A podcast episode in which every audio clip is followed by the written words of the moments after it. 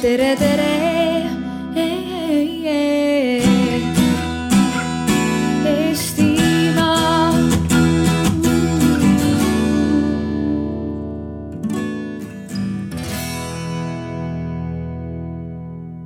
Tere tulemast kõik Arvamusfestivali osalejad. olete tulnud äh, arutelu kuulama, kui palju tuulikuid Eestisse mahub ja äh, soovitan lähemale tulla, kuna me äh, hakkame siin joonistama ja ühte mängu mängima, et siis te saate ka osa sellest võtta äh,. ja miks me sellest teemast täna räägime, et äh, tuuleenergiast on saanud kahekümne vii-, kahe, viimase kahe kümnendi jooksul sellisest niši hipiliikumisest äh, tõsiseltvõetav äh, energeetika osa. Äh, päris paljudes riikides toodetakse tuulikute abil rohelist energiat ja selle protsessi või selle aja jooksul on Euroopa loonud täiesti uue teadusarenduse ja ka täiesti uue tööstuse, mis siis meie, meie majandusele olulist märkimisväärset kasu toob Äh, aga mitte ainult siis ähm, niisugusel makrotasandil, vaid ka, vaid ka kohalikule äh, kogukonnale.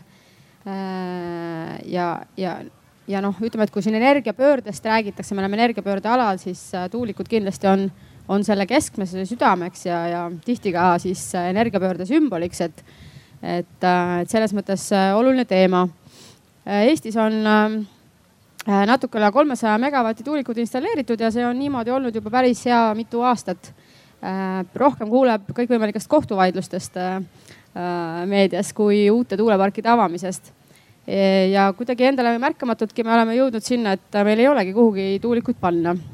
ja vot täna siis tahaks, tahaks rääkida sellest, et kas meil üldse neid on vaja ja kui neid on vaja, siis kuhu neid võiks panna ja kui palju ja, ja, ja vot täpselt sellise, sellisel teemal mina olen Tuuliki kasvanen, tuuleenergia assotsiatsiooni tegevjuht. Olen moderaatori rollis.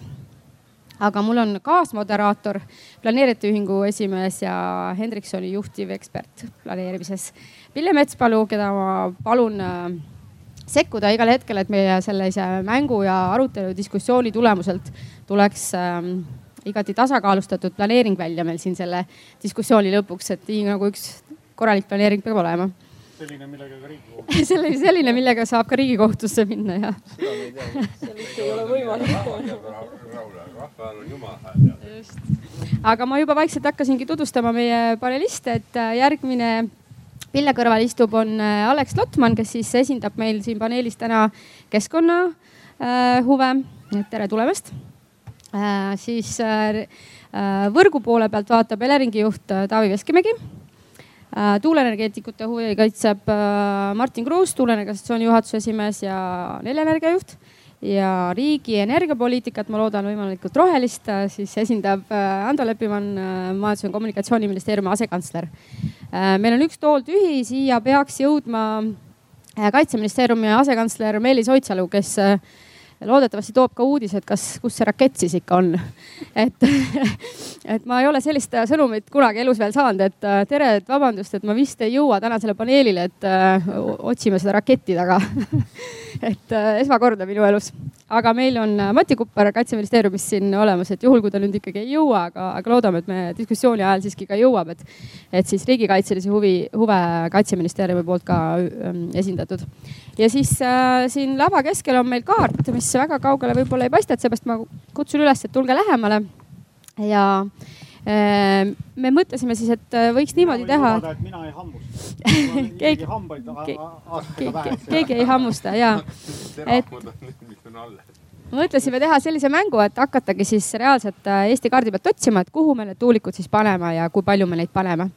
ja mul on noh, siiralt hea meel meie panelistide üle, kes on vaieldamatult arvamusliidrid oma, oma valdkonnast, et ähm, et ma juba ette tänan ära, et te tulite kõik. Ähm, aga kui te mõtlete, siis üks äh, huvigrupp on, äh, tundub nagu esindamata olevat, et kas keegi äkki oskab pakkuda, et mis, mis huvigrupp on esindamata? kuidas? see kõige häälekam jah, ja võib-olla isegi see kõige olulisem, et need, äh, need oleme meie, eks, et need tavalised äh, inimesed, et elektritarbijad äh, kes me kõik küll oleme siin lava peal ka, aga, aga need, kes elavad tuuleparkide lähedal ja ehk siis kohalikud kogukonnad. et ma palun siis teil, kes te siin istute, võtta see roll üle, et, et võite igal hetkel käe püsti tõust, tõsta ja märku anda, kui tahaksite ka kuhe, kuskile tuulikuid juurde joonistada. või siis vastupidi, võib, võib, võib ka maha tõmmata.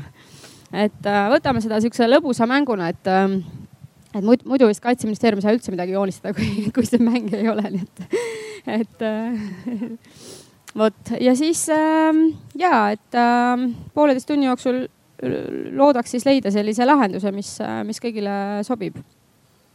et hakkame pihta, vaatame, kuhu me jõuame. ma mõtlesin seda teha niimoodi, et, et kuna tuult igal pool ei ole, et siis võib-olla alustaks äh, Martin sinust, et, et kuhu, noh, mis on need alad üldse, et äh, mis, äh, kuhu, kuhu võiks tuulikuid panna, et meil on ka varasemast üks kogemus, kus, kus planeeringud saatsid meid sinna, kus tuult polnud, et, et prooviks siis selle planeeringuga seda vältida. ja siis ja, ja joonistada on vaja, seal on, võib võtta neid, võib neid.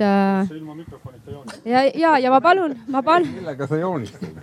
ma palun kommenteerida ka, et äh, miks just siis sinna kõikidel teistel ka ja lihtsalt infoks, et miks see kaart selline on, et äh, võtsime aluseks siis äh, Natura kaks tuhat kaardi, et kuna Alex muidu oleks pidanud nii palju joonistama, et sul on niikuinii palju joonistada.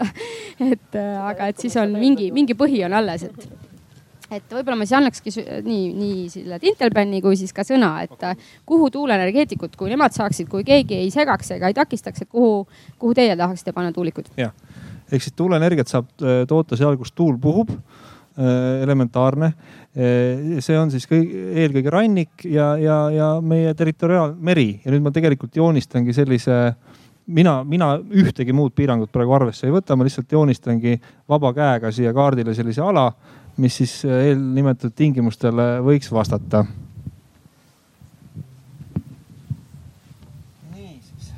vahepeal küsin, kas sealt tagant on äh, näha ka? nii, nii, nii, nii, nii, nii, nii et tulge ettepoole, eesistuja, mis võimalusi veel täitsa on. aga ma jah, kirjeldan ka, et see on nüüd praegu on siis. Äh, Martini kaardi järgi on Lõuna-Eestis meri.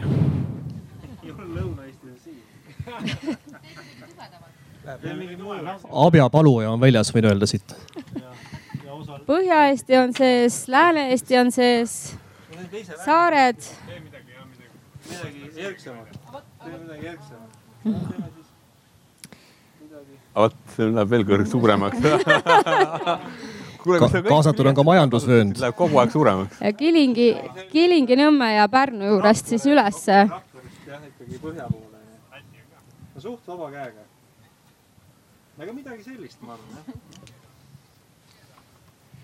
et äh, Martin, ma küsin veel, et äh, et kes võib-olla ei tea, et, äh, et lihtsalt huvitab, et, et peale tuule, et mis on veel nagu tuuleenergeetikutele oluline, et kui te ühte tuuleenergia projekti hakkate arendama ja kui kohe ei peaks neid kõiki piiranguid äh, arvesse võtma, et mis nagu veel on, mis, mille järgi valitakse neid kohtasid. et miks just minu tagahoovi tulete? ei no need tagahoovi, need teemad ju tulevad kõik alles, eks ju, et neid ma siia peale ei pannud praegu ja, ja, ja. aga, aga peale tuule ju äh, ei ole mitte midagi muud olulist. aga kas sügavus, Martin? kas sügavus ja, ei piira? räägime nii maismaast. ja okei okay., noh siis lähme juba, lähme juba nagu täpsemaks, et sügavus tõesti on, kui me hakkame juba väga konkreetseid kohti valima, siis äh, sügavus on ka oluline, õigus. aga teeme võib-olla kahe ringina siis niimoodi, et teeme nagu mingid üldised piirangud ja siis lähme konkreetsemaks.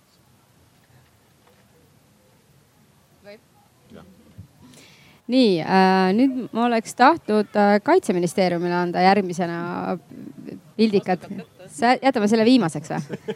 las-, lased meil töö ära kõik teha ja kruvime, siis. Äh, kruvime põnevust.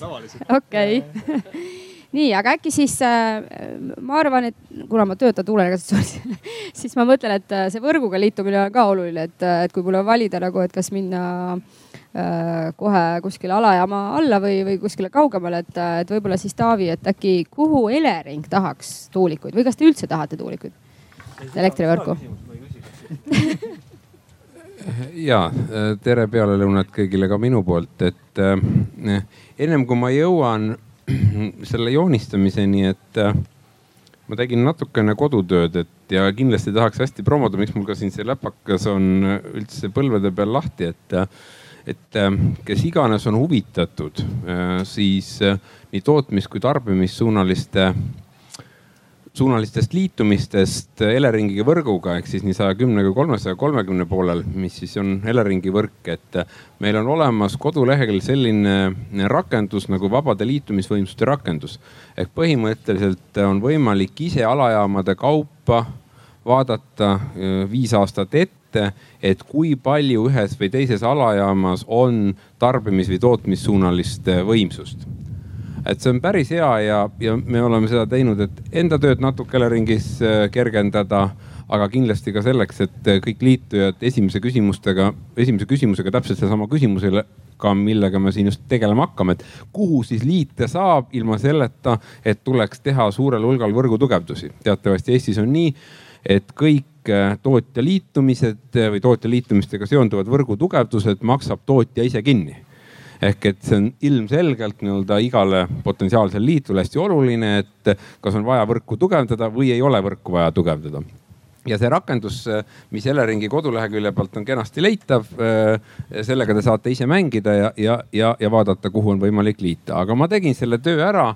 ehk Eestis on kaksteist kolmsada kolmkümmend alajaama et kui palju see meie kaardirakendus äh, või vabade liitumisvõimsuste kaardirakendus, et kui palju mina sain nii-öelda tulemuse, et äh, kui palju võimsust ilma suurema ähm, võrgu tugevduseta siis oleks võimalik ühte, teise või kolmandasse kohta ühendada. Ja võtsin lihtsalt kolmsada kolmkümmend võrgu loomulikult enamus on nad kümne poole peal ühendatud, eks äh, tuulikuid, aga see annab siiski mingi pildi ja siin on juba esimene nii-öelda vastuolu sellesama Martini poolt räägitud, kus on tuul ja kus on võrk ja kus on vaba nii-öelda äh, liitumisvõimsus võrguga ilma võrgu tugevdusteta. et ma joonistan selle siis selle eeltöö ja mis ma arvan, et annab päris, päris hea konteksti. vabandust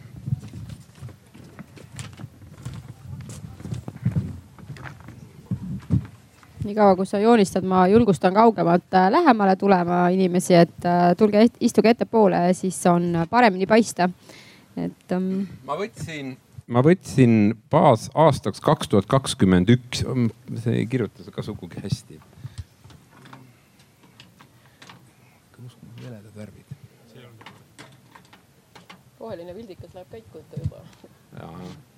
et äh, sellega küll ei näe keegi ilmselt. et äh,.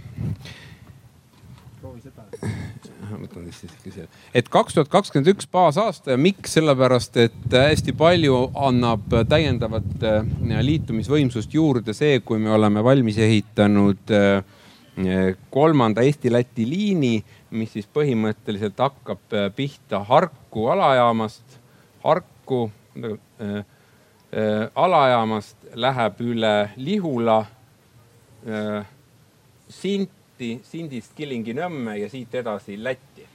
ehk et meil tegelikult äh, kaks tuhat kakskümmend üks on see liin, liin valmis ja, ja põhimõtteliselt siis meil ongi ümber Tallinna kolm suurt alajaama, millega me kolmsada kolmkümmend alajaama, millega me Tallinnat toidame.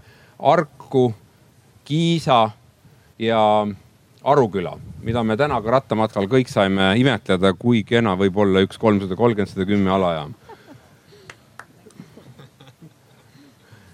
äh,. nii ehk et äh, need on kolm alajaama, mis on Tallinna ümber äh,, on Sindis, on Kilingi-Nõmmes on, siin on Balti, siin on Viru alajaamad, siin on Püssi alajaam, siit läheb üks liin niimoodi Äh, Balti-Viru tuleb siit Tartusse, Tartust läheb üle Tsirgu, siin on Tsirgu kolmsada kolmkümmend alajaam, läheb, läheb edasi ka kaks liini paralleelis Lätti ja Tartust lähevad üks, üks liin läheb Venemaale.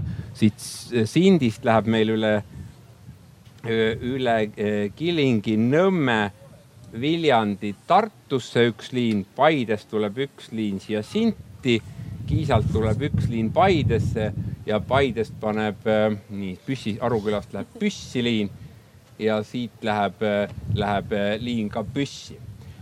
umbes Eesti kolmsada kolmkümmend elektrivõrk näeb välja selline ja nüüd ma arvutasin ka, et kui palju on võimalik siis ilma suuremate võrgu tugevdusteta võrku liita erinevaid elektrijaamasid, mitte ainult siis tuuleelektrijaamasid, mis iganes tootmisvõimsust. Arkusse sada mega, Kiisale üheksakümmend, Arukülla kakskümmend, Püssi sada, Balti sada Viru sada, Rakvere. Ah, Taavi mikrofoni palun. ah, Rakvere seitsekümmend. oota, kordaks need üle, Rakvere seitsekümmend. sa siis korda, ma kirjutan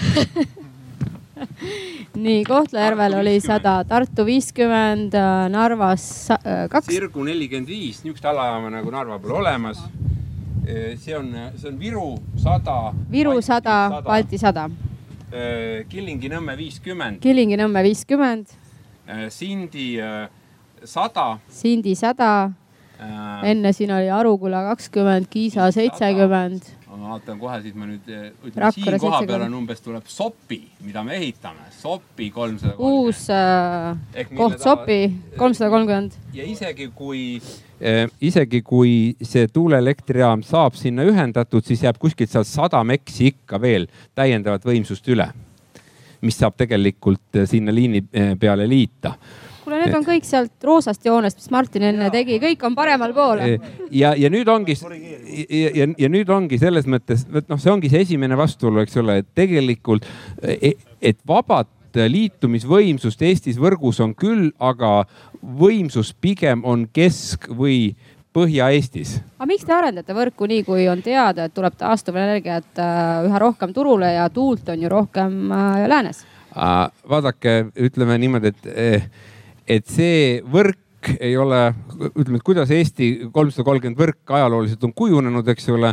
see on tegelikult kujunenud nii-öelda ida-lääne suunal ehk sellesama nii-öelda põlevkivi eh, tootmise järgi ehk et siit eh, varustati Leningradi, siit varustati Tallinnat. Eh, ehk et meil on tugev võrk põhjas ja täna me sisuliselt siis nii-öelda rajame ringvõrku ja, ja kindlasti on küsimuseks äh, nii-öelda tuuleenergia mõttes see, et kas Lihulasse kolmanda Eesti-Läti liini valmimise järel ka rajada äh, äh, kolmsada kolmkümmend alajaam, mis kindlasti võimaldaks tekitada olukorra, kus potentsiaalselt Lääne-Eestisse oleks võimalik, noh, ma ütleks nii, rahvli seitsekümmend viis meksi täiendavalt tuult liita ilma võrgu tugevdusteta. ehk et räägi valjem kui vaikus. aga ma, ma lisan e,. jah, et ühesõnaga lihtsalt, et ei peagi võib-olla praegu, et lähme selle arutelu juurde, las teised räägivad ka ära. ma tahtsin nii-öelda anda selle, et niisugune näeb Eesti elektrivõrk umbes välja, ütleme, et mitte minna e, nii-öelda peenemaks, kolmsada kolmkümmend e, kilovolti tasemel ja need on enam-vähem need liitumisvõimsused ehk meil on liitumisvõimsust, aga liitumisvõimsus on tegelikult mujal, eks, kui siis nii-öelda Martini poolt joonistatud head tuuleolud ma arvan, et see ongi praegu nagu bottom line, lähme siit edasi ja pärast saame aruteluga tulla täpsemalt juba siia juurde tagasi. aga ma ikkagi küsiks, et ähm, kas, äh, kas ma eksin, kui ma, kui ma väidan, et, äh, et kuna tuuleenergeetikud peavad ju kinni maksma selle, kui nad kuskile noh võrku liituvad et.... mitte ainult tuuleenergeetikud no,, kõik okay. tootjad. kõik, kõik äh, elektritootjad jah, aga ja kuna te teate seda, siis, äh, siis äh, te ootategi, et meie põhimõtteliselt tuleme sinna Lääne-Eestisse oma, oma tootmisvõimsustega ja siis noh, nagu võrgu arengu seisukohalt või areng, arenguplaani seisukohast ei, ei pea Elering ise nii palju võib-olla pingutama oo oh, ei, siin on nüüd küll mitmed sellised äh, väited, mis äh, sugugi ei ole tõde. et äh, esiteks, et kuidas me võrku arendame. võrku arendame me lähtuvalt loogikast, et me suudaksime teenindada oma kehtivaid võrgulepinguid noh, teatavasti ega siis Elering ei korja raha puu otsast, vaid see tuleb meil kõigil tarbijatena võrgutasus kinni maksta ja teatavasti võrgutasu suuruse äh, kiidab heaks Konkurentsiamet, siis Konkurentsiamet ei võimaldagi meil ühtegi teist võrguarendus äh, äh, investeeringut äh, teha kui need, mis A on siis tõesti vaja nii-öelda üleriiklikke, noh näiteks Estlingid või kolmas Eesti-Läti liin, eks ole, tulevikus ka potentsiaalselt desünkroniseerimise klaster, mis kõik tegelikult Eesti võrku tugevdavad ja annavad ka tootjatele uusi võimalusi, nagu seesama kolmas Eesti-Läti liin, no mida muidu ei oleks, eks ole. olemasoleva saja kümnesele liinile, mis Lihulasse tuleb, sinna peale ei ühenda midagi. et, ähm, et, et selles mõttes Elering arendab võrku olemasolevate klientide teenindamise loogikas, pluss ülepiirilised äh, ühendused. Äh, ülejäänud loogika ongi täpselt see, et et eh, kui tootja või tarbija tuleb, tahab saada liitumisvõimsust juurde, siis ta maksab selle kinni. see on omaette debati küsimus ja Ando siin kindlasti tahab ja saab siin öelda juurde, et mis on puhas poliitiline otsus paljudes riikides arendatakse ka võrku, sotsialiseeritakse võrguarendus, kas suurinvesteeringud, tööstusinvesteeringud, mingid tootja liitumised, eks ole. ja need pannakse tariifi, me maksame kõik selle kinni, et see on täiesti selgelt poliitiline otsus, mille osas võib arutada, mis on õige, mis on vale okei okay,, aitäh, tuleme siia võrguteemade juurde veel tagasi. aga see, mis sa reklaamisid, see, kust igaüks saab vaadata, et äh, kuhu, kuhu siis ja. tootmisvõimsusi lisada, et see on äh, küll äge, et ma mäletan aegasid, kus see info oli salastatud, et, äh, et tootjad nägid kurja vaeva, et kuhu, kuhu, kuhu poole nagu võrgutaotlusi teha, et äh, väga hea. aga äkki liigume, liigume siis äh, energiapoliitika juurde Äh, majandus- ja Kommunikatsiooniministeeriumi seisukohast, et äh, teil on äh, vastselt valminud energiamajanduse arengukava. siis nüüd tegemisel on peene nimega energiakliimakava et äh, räägi äkki sellest, selles kontekstis, et kuidas tuuleenergeetika sealt paistab ja siis äh, jah, võib joonistada kaardile. jah, aitäh ja, ja tere päevast ka äh, tõsi, möödunud aasta teises pooles äh, äh, valitsus kiitis heaks siis energiamajanduse arengukava ja, ja praegusel hetkel äh, siis oleme me kohustatud selle aasta lõpuks esitama Euroopa Komisjonile energia kliimakava. ja see energia kliimakava näeb siis ette seda, et Eesti riik peab seal näitama ära, millised on tema eesmärgid aastaks kaks tuhat kolmkümmend nii energiatõhususe kui, kui ka taastuvenergia vallas, nii et, et iseenesest noh, saab see olema see raamdokument, mille, mille järgi me hakkame oma taastuvenergia eesmärke seadma ka vaheaastateks, eks ju, seal, mis jääb kahe tuhande kahekümnenda ja kolmekümnenda vahele. ja, ja mille vastu tegelikult hakatakse tegema ka taastuvenergia oksjoneid, mis, mis on siis uue elektrituruseaduse loogika taastuvenergia taastuvenergia hankimiseks. nii et, et selles mõttes need kavad on, on kahtlemata olulised ja ja kuidas taastuvenergia sealt välja paistab, eh, siis eh, enne ka kliimakavast võib-olla natuke vara rääkida, ei ole veel valmis. tuleb huvigruppidega ja, ja teiste riikidega läbi arutada ja kindlasti ka poliitiliselt eh, toob ta endaga debatte kaasa.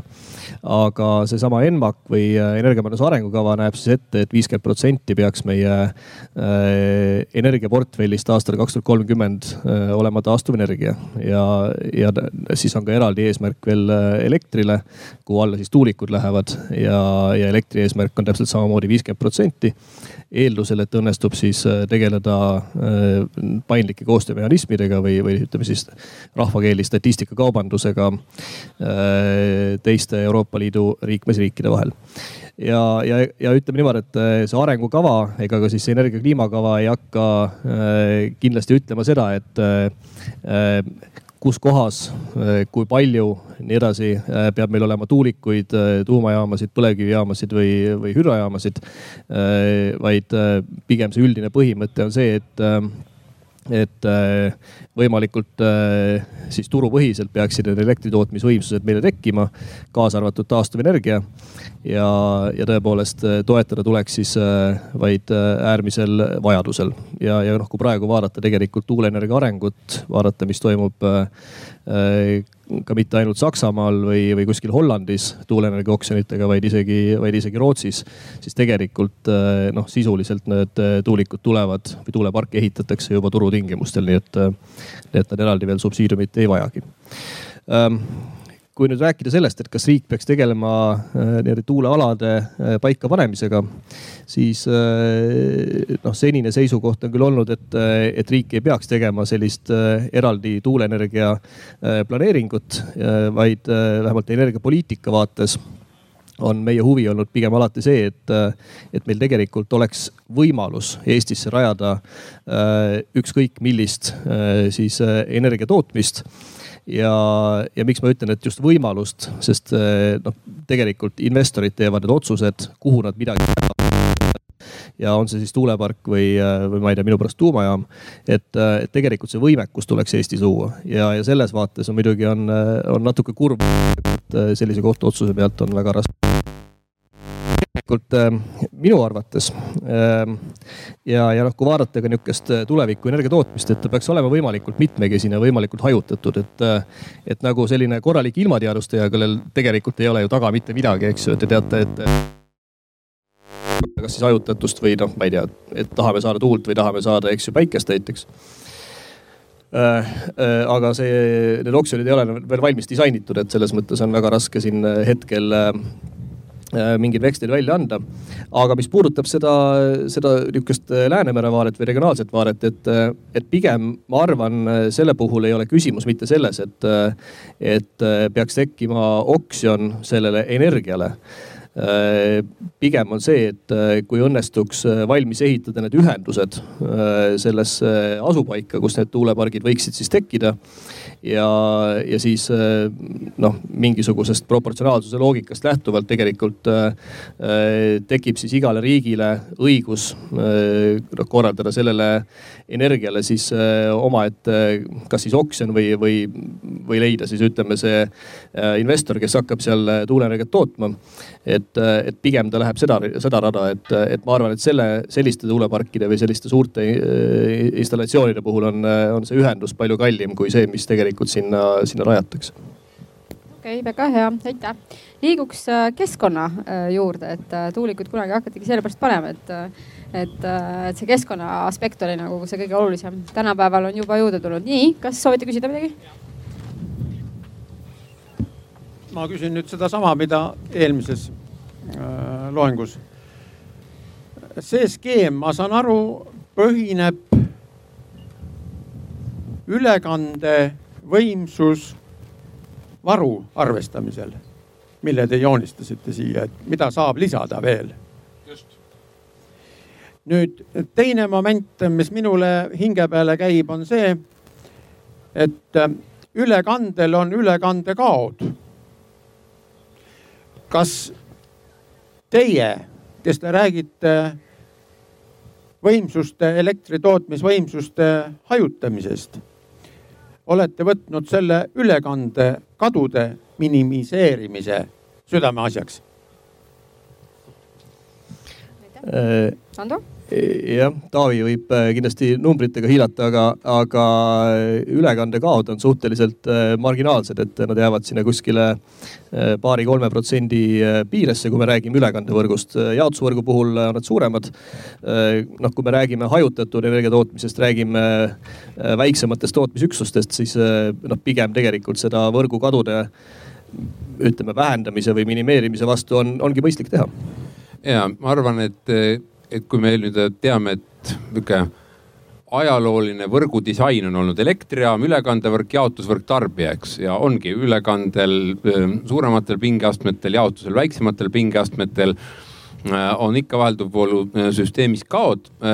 aga kui me nüüd näeme uut võrku, on täpselt see, mida Ando Leppimaa rääkis, et ta tegelikult on, on, on selline detsentraliseeritud maatriksvõrk, eks sisuliselt tarbimine nii või nii-öelda nii elekter toodetakse kui tarbitakse koha peal. ehk nii-öelda ülekantav energia maht on oluliselt väiksem, sellest lähtuvalt on ka kaod palju väiksemad, nii et see on tegelikult tuleviku energiavõrk, mis ka peaks kadude mõttes olema palju säästlikum aitäh hea küsimuse eest ja kohe saate veel küsida, aga võtame selle keskkonnateema ja veel paar punkti, et, et Alex, et äh, miks ma, miks ma, miks mul selline tunne on, et, et meid vastandatakse kogu aeg, et ühel pool on, on keskkondlik, äh, keskkonnasõbralik energia tootmine ja teisel pool on, on, on keskkonnakaitsjad, et äh, miks see nii on ja, ja, ja kuhu, kuhu siis äh, keskkonnatingimuste koha pealt tuleks tuulikuid panna ja kui, ja võib-olla ka kui palju, et, et mis on see vastuvõetav, arvestades kõiki meie looduskaitselisi alasid ja liike ja Äh, mul on kahtlus, et sul on tunne, et meid vastandatakse sellepärast, et meid vastandataksegi. Aga. mikrofon lähemale vist. kas nüüd on kuulda?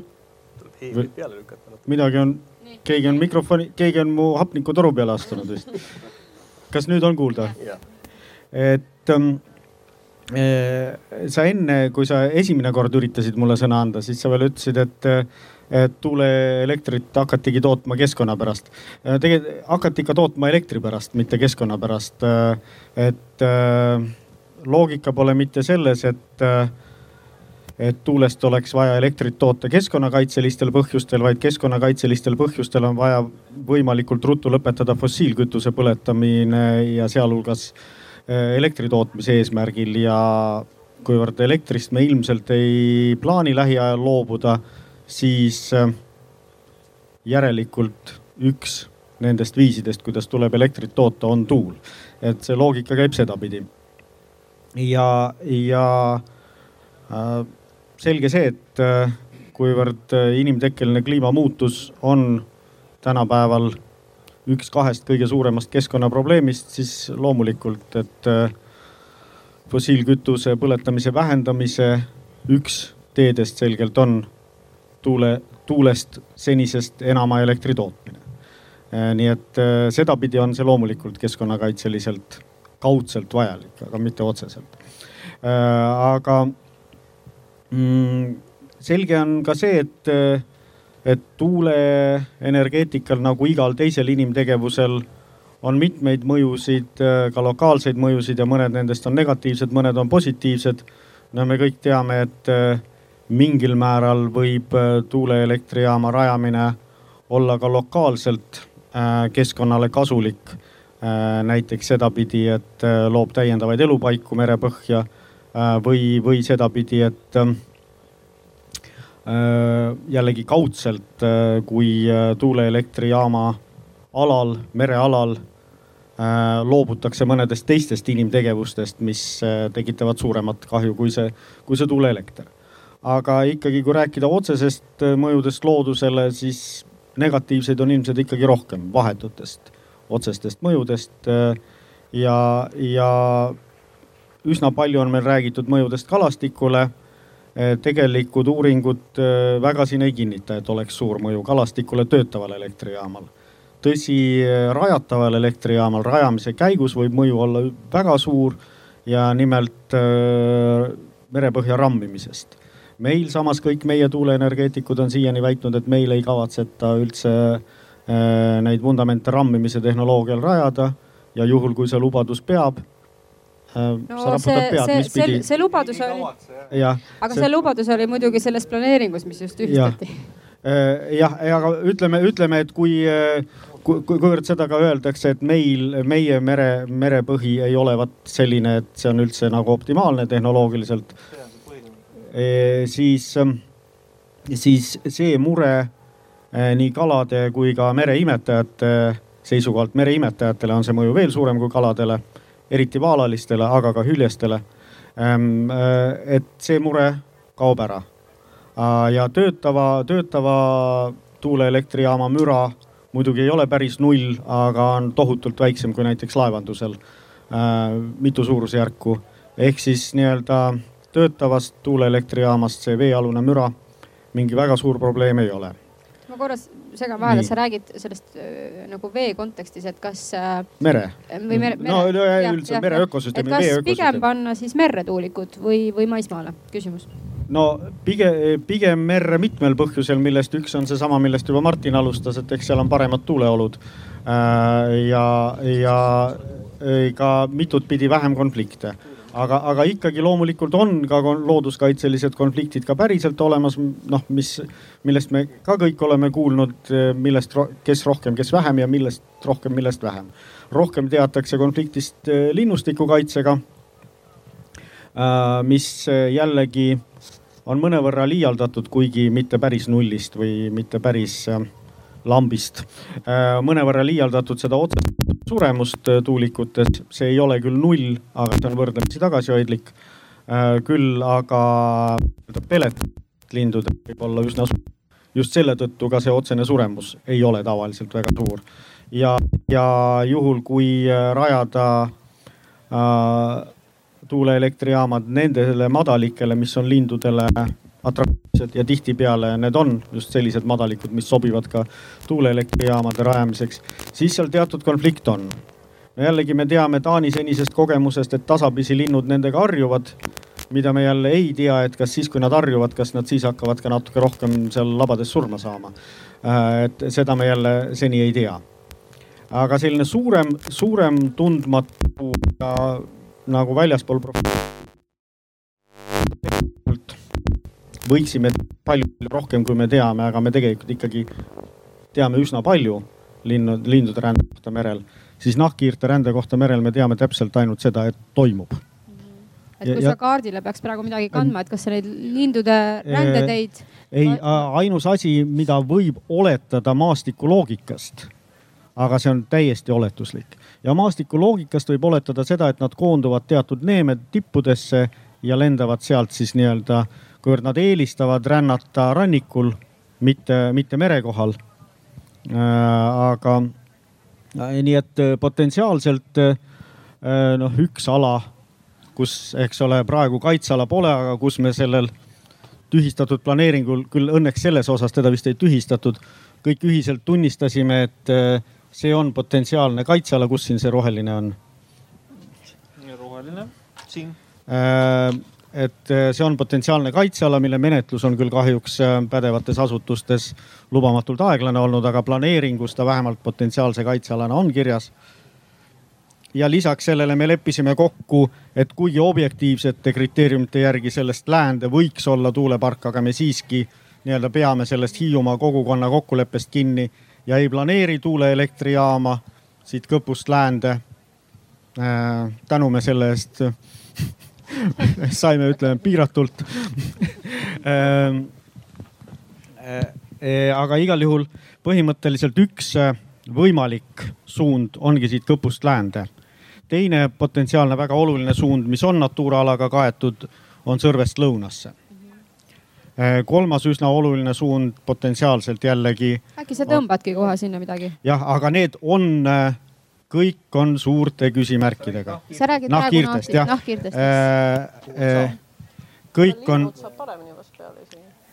Äh, lindudega on natuke parem, aga ega, ega ei saa öelda, et ka lind, lindudega nii-öelda parima teadmise järgi, mis tollal oli, ongi need Natura alad moodustatud. praeguseks me muidugi teame, et mõned alad siin, kus on mõningane potentsiaalne konflikt tuulearendusega, on olulised lindudele, eks ole. Apollo jääb, äh, kuhu see Apollo jääb siia, eks ole äh,. ei, siia, siia jah.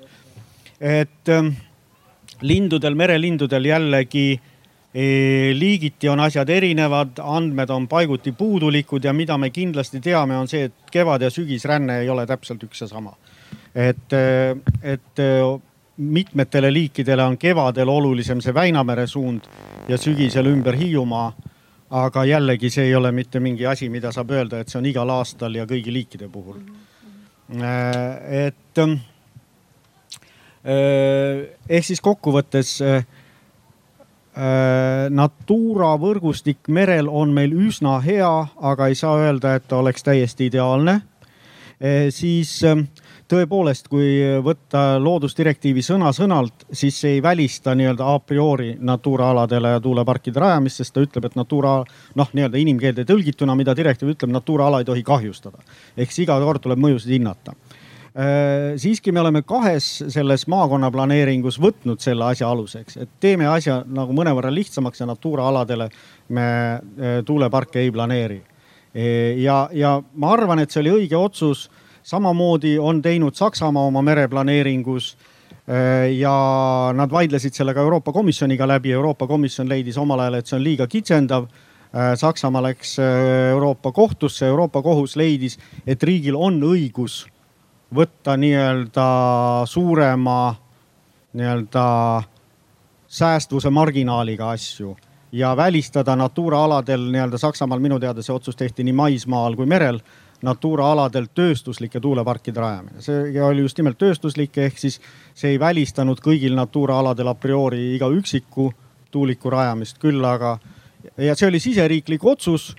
Äh, see oli mõnevõrra rangem kui see, mida direktiiv nõuab, aga see oli põhimõtteliselt ikkagi Saksamaa otsus ka sellesama direktiivi täitmiseks ja nii-öelda Euroopa Kohus leidis selle otsuse põhimõtteliselt õigustatud olevat. ja ma arvan, et me võiksime selle juurde ikkagi jääda, et Natura aladele me tuulikuid ei planeeri sest vähemalt see praegu on ikkagi kõik nad mere, merelised natuuraalad, mitte ainult veealuse elustikku, vaid ka linnustikule olulised.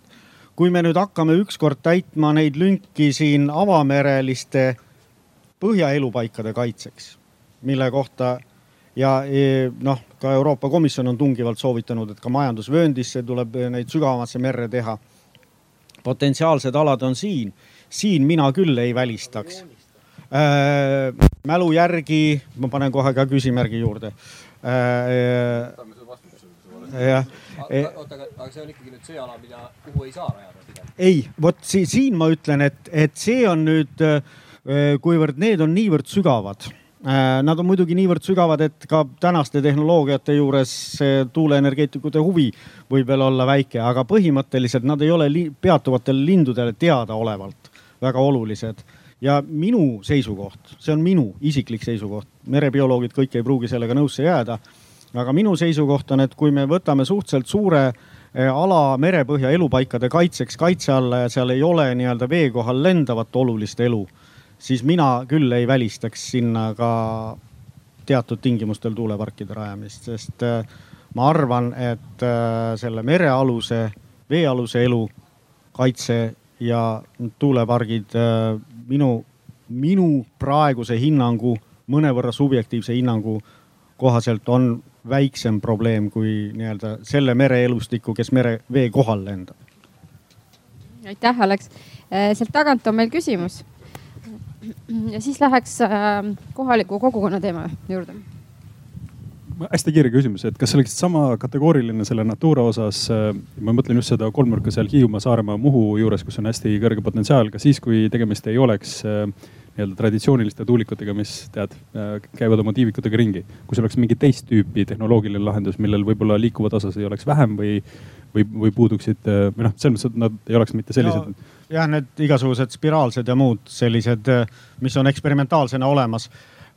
juhul kui äh, on näidatud, et peamist loodusväärtust äh, linde ja noh, nagu ma ütlen, suure küsimärgiga siin tõenäoliselt jällegi ka nahkhiiri, need ei ohusta si, siis ma ei näe põhjust olla nii kategooriline.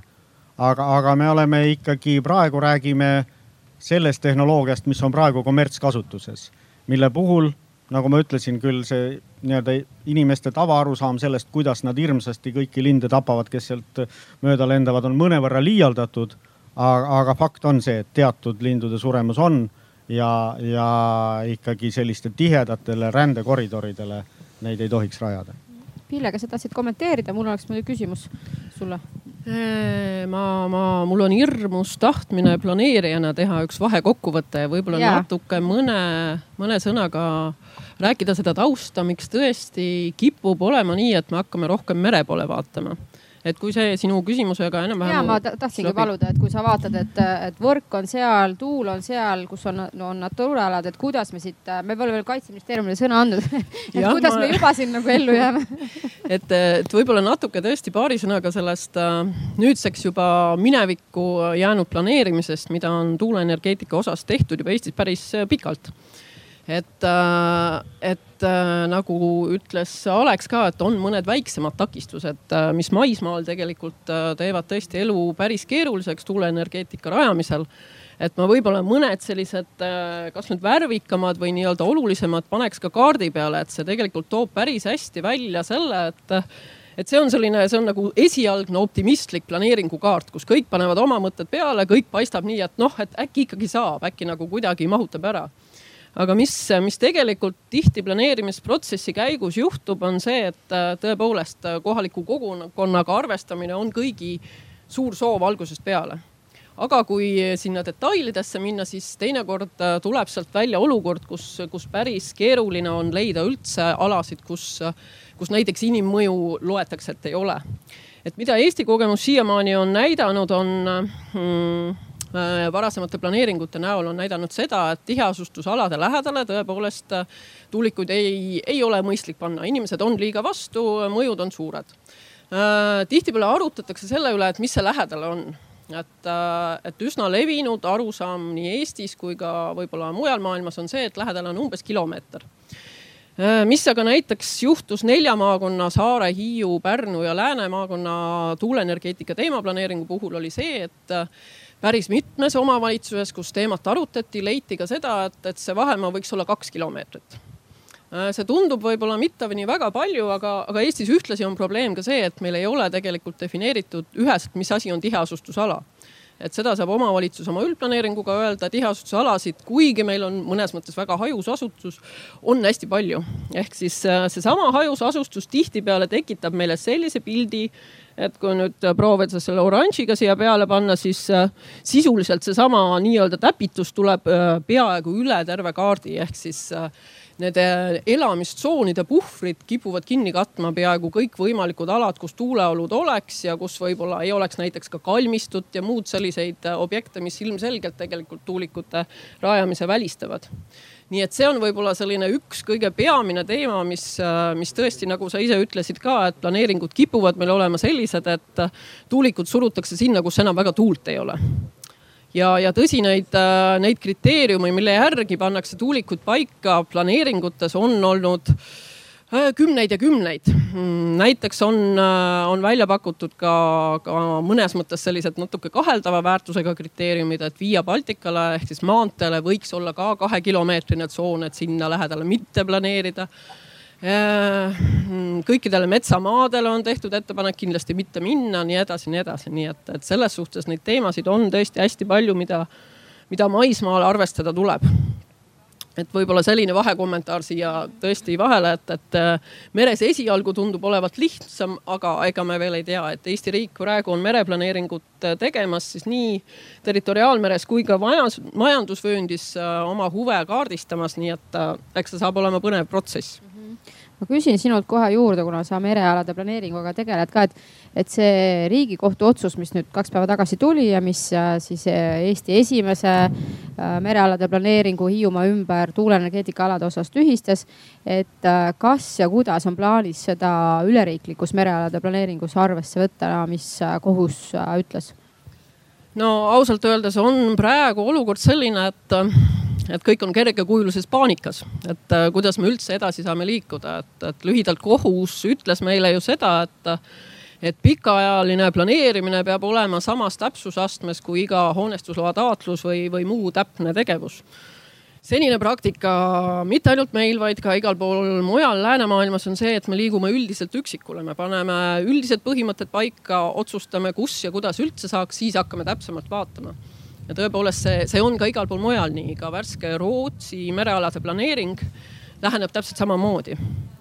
nii et äh, hetkel ausalt öeldes ma jään vastuse võlgu, arutelud alles toimuvad, mis, mis nüüd edasi saab et ei tahaks minna nagu seda teed, et me hakkame kohe sellist praktikat, mis on juba päris ilusti juurdunud, kus on keskkonnamõju strateegiline hindamine ja keskkonnamõjude hindamine kohe pea peale pöörama, et see ei tundu kuidagi õigustatud. nii et nii palju praegu sellest. aitäh Äh, ma vahepeal annaks äh, mikrofoni veel publikule, äkki kellelgi on tulnud mõni küsimus äh, selle osas, mida on räägitud või siis üleüldse tuuleenergeetika asukoha leidmise koha pealt. praegu ei paista. nii, aga läheme siis meie selle kaardi joonistamisega edasi, et, et, et mis me selle nüüd kaitseministeeriumi seisukohtadega teeme, et Meelis ei ole jõudnud, et Vati, kas sa saaksid äkki paari sõnaga kommenteerida, et kuhu me kindlasti ei peaks minema tuulikutega, kuhu võiks ja mida saaks võib-olla arendajad siis teha, et, äh, et olla rohkem äh, nagu koostöövõimelisem kaitseministeeriumiga? nii, tervist kõigepealt, et äh, mina olen siis Mati Kuppar Kaitseministeeriumist ja sellele kaardile ma tegelikult väga midagi juurde täna siin ei joonistakski. ma võin ise joonistada et, et selles mõttes äh, kaardile on juba nii mõndagi peale kantud et nagu näha, siis tegelikult äh, Eestis siseriiklikult neid kitsendusi on omajagu ja selles mõttes ütlen kohe ära, et kaitseministeerium kui selline ei ole ju tuulikute vastu. küll aga ei saa neid tuulikut riigikaitselistest lähtuvalt igale poole lihtsalt rajada et äh, väga paljuski sõltub tegelikult see, kuhu neid rajada võib, nende kõrgusest. et äh, mida kõrgemale nad äh, nii-öelda kasvavad, seda suuremaks lähevad ka tegelikult need kitsendused.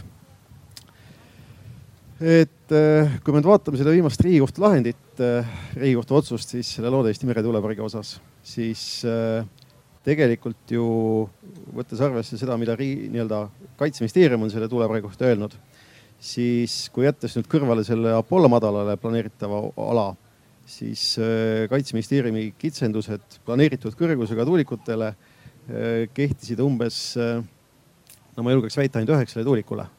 et ülejäänud elektrituulikute osas meil enam piiranguid ei ole antud planeeringu kontekstis et ja see, mida Ando välja tõi, et vaadata pigem Eestist väljapoole, et noh, mida kaugemale me oma seiresüsteemidest liigume, et seda, seda nii-öelda lahkemalt ka kaitseministeerium on nõus oma kooskõlastusi andma. et jah, ütlen veel kord, et me ei ole tegelikult energiaarenduse vastu ka taastuvenergeetika osas. küll aga me peame jälgima seda, et et riigikaitselised süsteemid saaksid äh, tõrgeteta tööt-, tõrgeteta töötada. ja et oleks siis tagatud Eesti kui riigi nii-öelda äh, ohutus nii siis militaarvaldkonnas kui ka just äh, viimasel ajal üles kerkinud lennuohutuse osas. aga ma sain aru, et sa ei taha joonistada midagi, aga, aga ütle, et kas maismaa või meri, põhi, lõuna, ida, lääs, et kuhu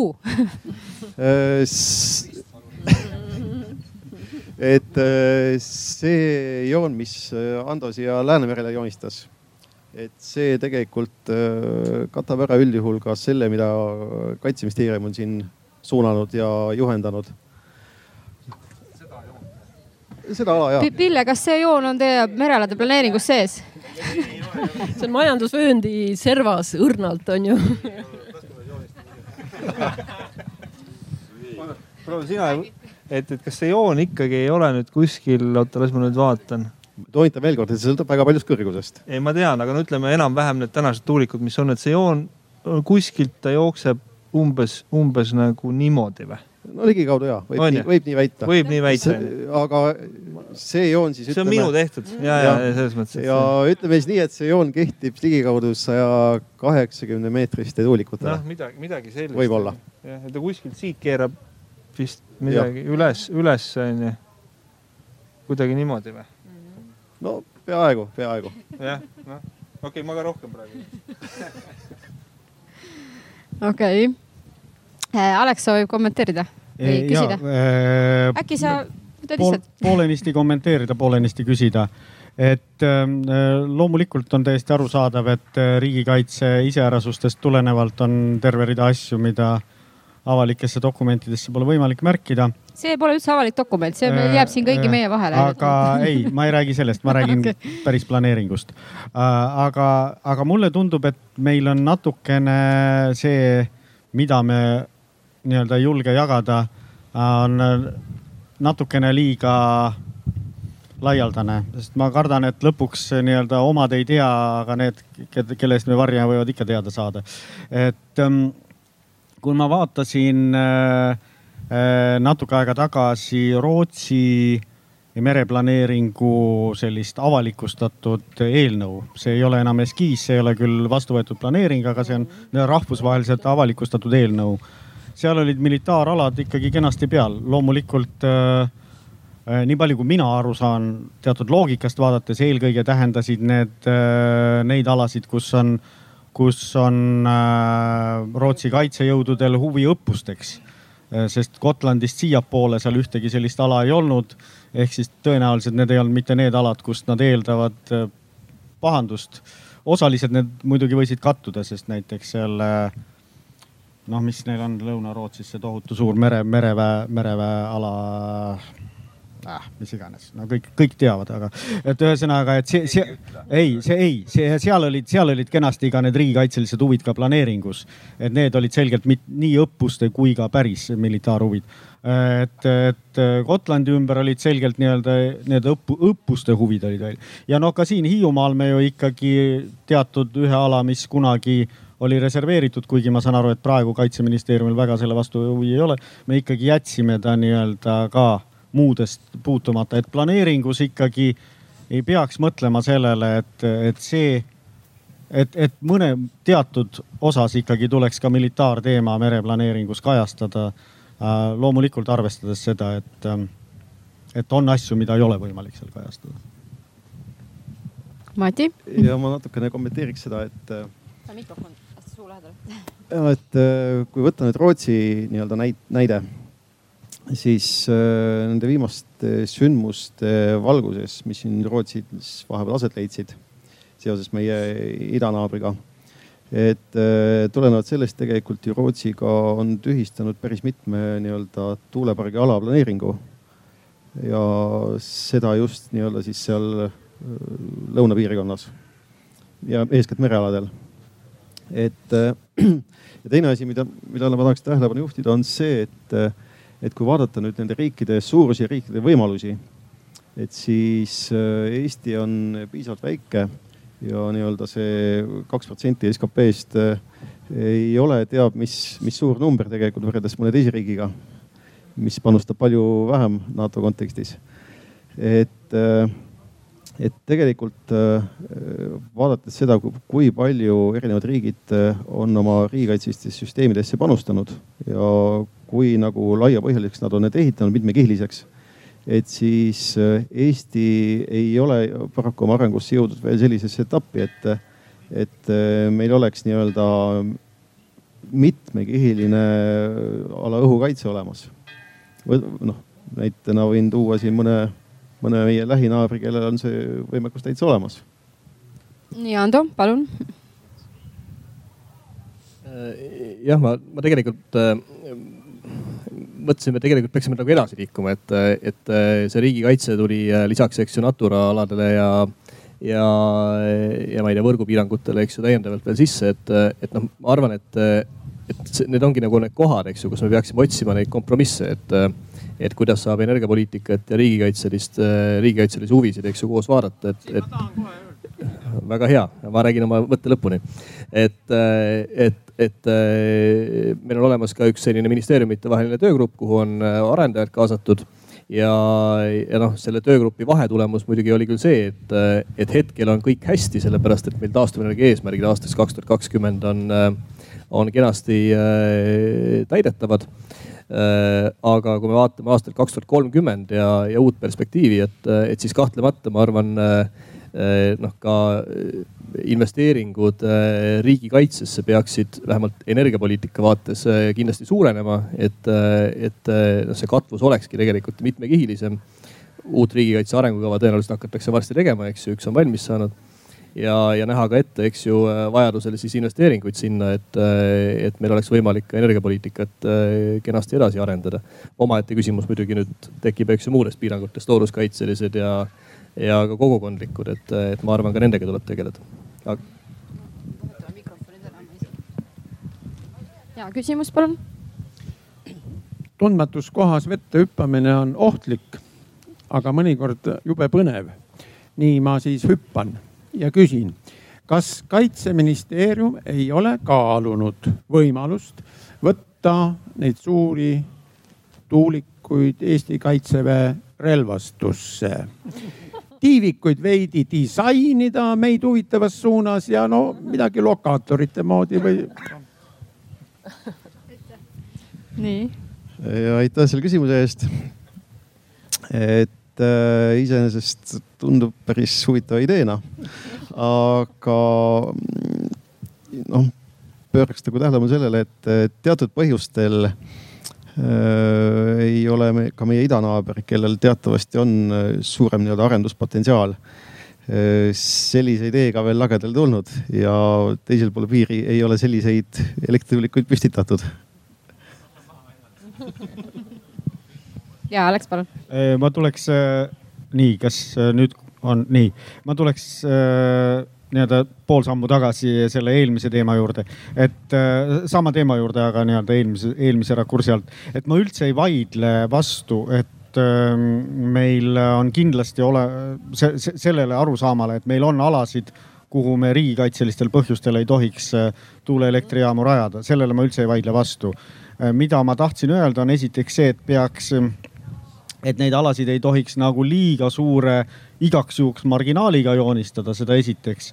ja teiseks, et need alad peaksid võimalikult hästi ja varakult planeeringutes olema selged, et arendaja piisavalt varakult teaks ega, ega äh, raiskaks oma, oma aega ja energiat sellistel aladel arendamisele. seda, et sellised alad on olemas, selle, selle, selle ma üldse ei vaidle vastu Mati, kas sa soovisid kommenteerida või Martin? ei, ma lihtsalt ütlen jah kiire märkus, et selle täpselt sellesama ettepaneku ma tegin selle käimasoleva merealade planeerimise käigus, et mis on suhteliselt algfaasis praegu.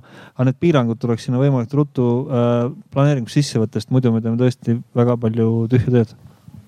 aga Mati, kuidas sa kommenteerid, et, äh, et kuidas äh, saaks seda teha?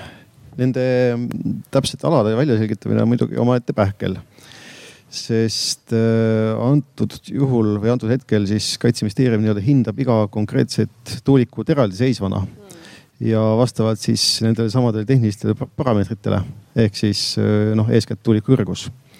ja jälle tulles nüüd selle riigikohtu lahendi juurde, mis ütleb, et tegelikult juba planeeringu sellises etapis, üldplaneeringu osas tuleks ju äh, nii-öelda esitada üsna täpselt tehnilised karakteristikud. et äh, seda on ka tegelikult kaitseministeerium siin väljendanud. sest äh, vastasel juhul me et me päris ennustamisega ei tegele, aga, aga just selleks, et arendajatele võimalikult nagu täpset ja adekvaatset infot anda. et äh, selleks me ikkagi vajame võimalikult täpset, kas siis ala koordinaate, alapiiranguid, ulatust, jala sisse seda nii-öelda ulatust või siis, kui vähegi on teada, siis juba tehnilisi täpsemaid karakteristikuid. nii, Martin, soovid kommenteerida? ma lihtsalt seda jah, seda ka Riigikohtu öö, äh, otsust, et öö, äh, ilmselgelt seda tuleb veel siin kõvasti loksutada ja arutada, mis sellest üldse nagu saab. aga, aga selge on see, et, et noh, see otsuse kriitika oli, et selles konkreetses planeeringudokumendis kohtu arvates ei olnud piisava täpsusega andmeid Äh, see nüüd ei tähenda seda, et, et me peaksime selle noh, niisuguse üldise planeerimise täiesti ära unustama. sest et noh, tegelikult valikuprotsessi ilma sellise üldise analüüsita tegelikult ei olegi võimalik teha sest et kui su eesmärgiks on see, et me hakkame joonistama, ütleme mingi mõõtkavas üks sajale tuuliku vundamenti, aga tekib küsimus, et kuhu me ta joonistame ja selleks, et seda natukenegi analüüsida, me peame ikkagi liikuma üldiselt äh, detailsemale, äh, vaatamata sellele Riigikohtu otsusele. ja, ja ta peab võib-olla siis lõpuks välja jõudma sinna äh, oluliselt detailsemate joonisteni ja, ja analüüsideni, kui, kui seni on olnud. aga ta peab ikkagi algama üldisest ja selle üldise kihi saamiseks ikkagi on kaitseministeeriumi sisendit vaja, sest et noh, muidu me teeme mingisugune kaks aastat või mis iganes te planeeritud olete. teeme nagu hulk-hulk-hulk tööd ära ja siis lõpuks laia pintsliga tõmmatakse noh, enamus aladele nagu joon peale, et siin mingi meet-, meet-, meetod on vaja nagu ikkagi leida. ja, ja väike Mille kiire täpsustus võib-olla, et, et tegelikult maismaal me oleme ju jõudnud päris nagu selles mõttes nagu mõistmesini, et, et just sellised üldised põhimõtted, üldised raadiused, alad, kus ei ole soovitav, on, on, on saadud ikka ju kokku leppida. et kas merel on see nii palju keerulisem? Äh, selles mõttes, et ei ole, et äh, sama, kõik see, mis kehtib maismaa kohta, kehtib ka mereala kohta. et äh, kõik on, kõik on tegelikult tehtav. ja Alex? et ma loomulikult ei tahaks, et me siin kõik niimoodi teeme kaitseministeeriumile kambakat sest et riigikaitse on ka minu arvates väga tähtis, nii et ma, ma nii-öelda ma arvan, et meie see üldine, üldine sõnum on vist piisavalt selge ja et aga tulles selle Riigikohtu otsuse juurde, et siin on nagu mõned olulised asjad. no esiteks see, et see on ilmselgelt lõplik ja täitmiseks, sest et siin ei ole tegemist sedalaadi otsusega, mille, mida saaks kuskile edasi kaevata. ei ole tegemist Euroopa Inimõiguste konventsiooniga, et saaks minna Euroopa Nõukogu Inimõiguste Kohtusse. ja minu arusaamist mööda ka Euroopa Liidu Euroopa Kohtusse pole siin võimalik minna, sest et kuigi seal kaaluti ka mitme direktiivi kohaldamist, ta oli ikkagi suuresti siseriikliku õiguse kohaldamise hinnang, ehk siis ta on põhimõtteliselt lõplik ehk ja ta on meile täitmiseks. aga me peame väga, mina, mina olen ta kiiresti läbi lugenud ja ma olen nagu siiani sügavas hämmingus. Äh, kuigi, kuigi osa sellest kriitikast oli küll ka noh, ka mina oleks nii-öelda äh, ideaalses maailmas näinud mõnda asja täpsemana kui see, mis me lõpuks suutsime Hiiumaal teha. aga see oli just see teadmiste tase, mis meil tol hetkel oli. ja, ja et ma oleks tahtnud paremini, aga, aga ma ei näinud seal mingit võimalust reaalselt sel ajal teha paremini e, ja, ja, ja see tähendab ikkagi seda, et me peame veel väga tõsiselt seda närima ja, ja mõtestama, et kuidas seda otsust on võimalik täita, aga no ta on ikkagi täitmiseks, et siin nagu me võime temaga mitte nõustuda, aga täita teda tuleb. nii, Martin. Ja noh, kui seda otsust räägime, siis räägime, see on räägime, väga, väga tore teema selles mõttes, et siin on nüüd mitu asja, et mis puudutab konkreetselt seda loode Hiiumaa ala, siis siin noh, tegelikult äh, detailides probleeme ei olnud. Need detailid olid kõik olemas, aga nad tulid hilisemas faasis eks ju. Nad ei tulnud selles planeeringu faasis, aga tegelikult juba selle planeerimise käigus oli teada, kuna siin oli noh, oli äh, mitu paralleelset protsessi käis, käis see hoonestusloa menetlus, sellega seoses keskkonnamõjude hindamine äh,, mis tegi just nimelt need detailsed uuringud ja see taustainfo oli planeeringu käigus olemas, aga seal planeering nagu ise need detailsed uuringuid nagu ei teinud ja, ja noh, meile muidugi suureks hämminguks ongi see, et, et miks kohus neid teisi uuringuid nagu arvesse ei võtnud, see on nagu asja üks pool. teine pool, mis selle Hiiumaaga teha. tähendab, tegelikult seal Hiiumaal loomulikult on äh, hetkel probleem, sest et planeering ei kehti, aga Hiiumaal seda vigade parandust on suhteliselt lihtne teha, sest et need äh, detailsed uuringud on kõik ju olemas noh, sisuliselt on vaja teha uus äh, planeeringumenetlus ja, ja neid kõiki arvesse võtta ja, ja, ja sellega justkui ongi see probleem lahendatud. probleem on pigem palju üldisem, mis teha teiste planeeringutega, mis teha selle käimasoleva äh, Eesti territoriaalmereala planeerimisega, kus, kus ei ole neid detailseid uuringuid olemas. et mida me siis sellises olukorras nagu teeme, onju kuna meil on siin kohal, annan teile uuesti sõna, aga kuna meil on siin äh, äh, ka kohal Hiiu vallavanem Reili Rand, siis ma mõtlesin, et ma kasutan juhust ja annan sulle mikrofoni ja küsin, et mis meeleolud äh, Hiiumaal praegu on just selles kontekstis, et Hiiu vallal on ju sõlmitud äh, meretuulepargi arendajaga koostöölepe ja siis teiselt poolt oleme me olukorras, kus äh, riigikohus tühistas äh, merealade planeeringu tuuleenergia osa. tulen natuke siiapoole, muidu ma seisan igatpidi seljaga, et tere kõigile, Tuulikile oli mulle kambakas.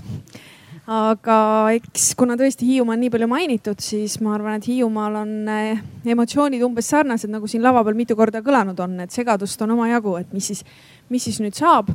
kuna tuulepark ei ole ju kellelegi saladuseks, on kogukonnas on väga selgelt eh, toetajate grupp ja on väga selgelt eh, see grupp hiidlasi, kes on tuulepargi vastased, ehk siis äh, täna seltskond, kes on äh, algusest peale olnud tuulepargi vastu, on loomulikult väga õnnelik.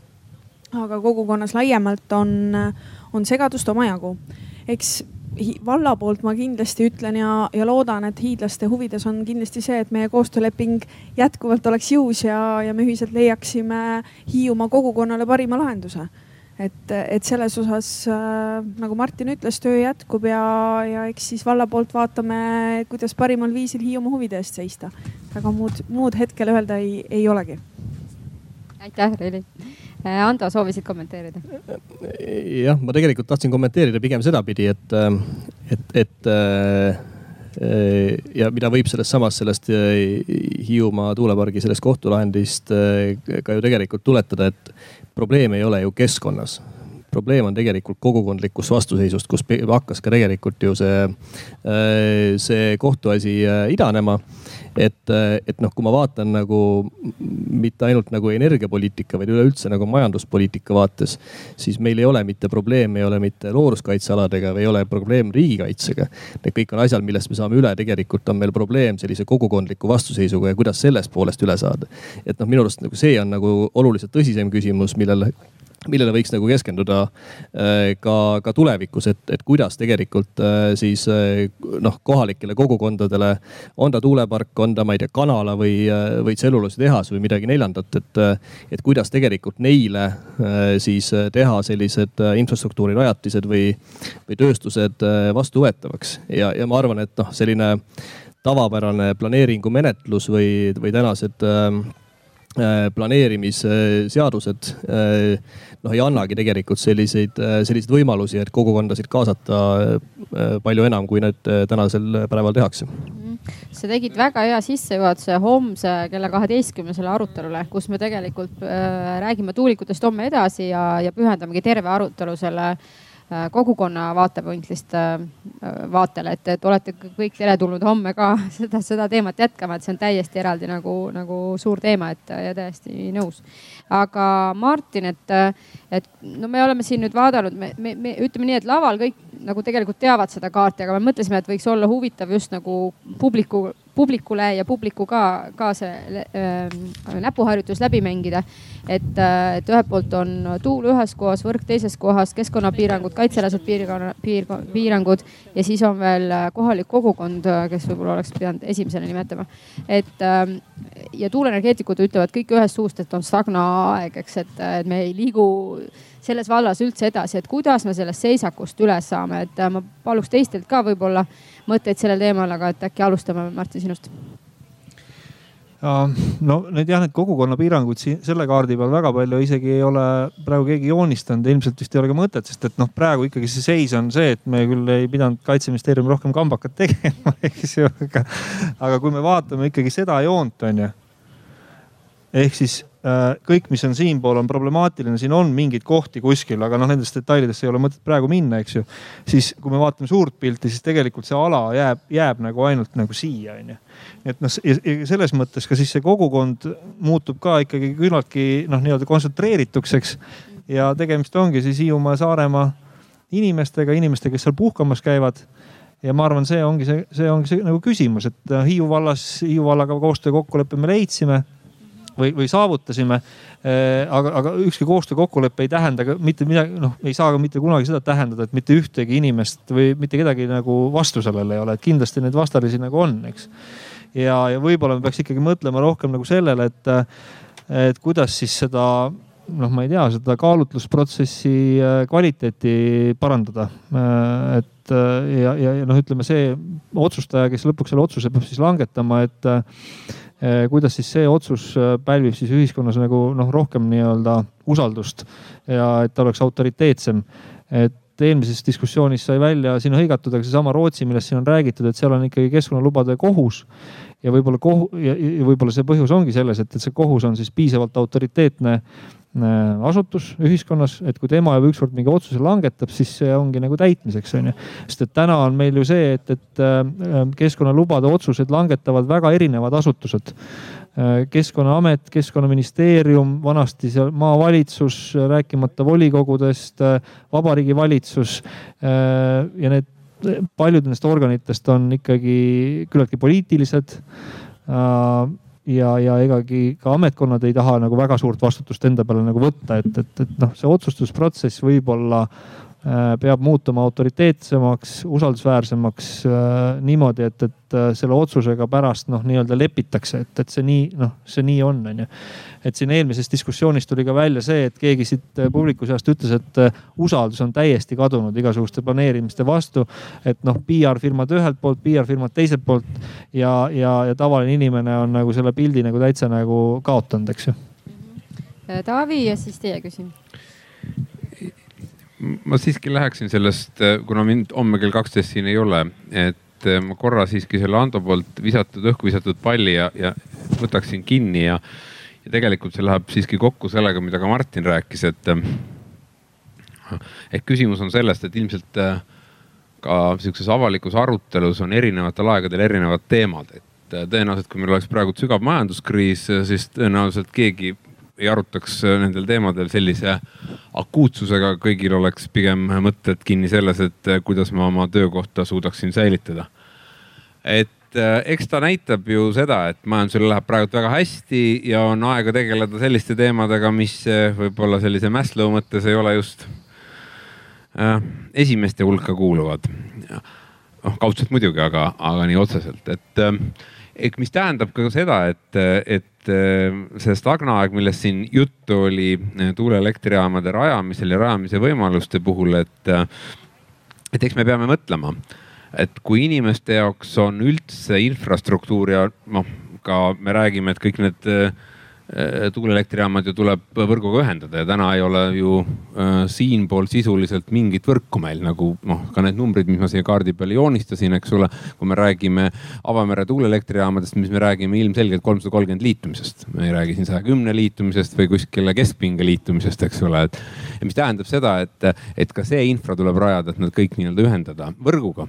Äh, ja me näeme juba ise täna, eks ole, siin nii torude kui mm, Äh, elektriliinide, õhuliinide rajamisega, et, et kui keeruline on see planeeringu pool, et, et, et, et, et lihtsalt minu selline bottom line või mis ma tahan, tahan öelda, et eks me peame mõtlema, et, et seni ei ole noh, ükski riik, ükski rahvas, kes täna on rikas, saanud rikkaks ilma industrialiseerimiseta.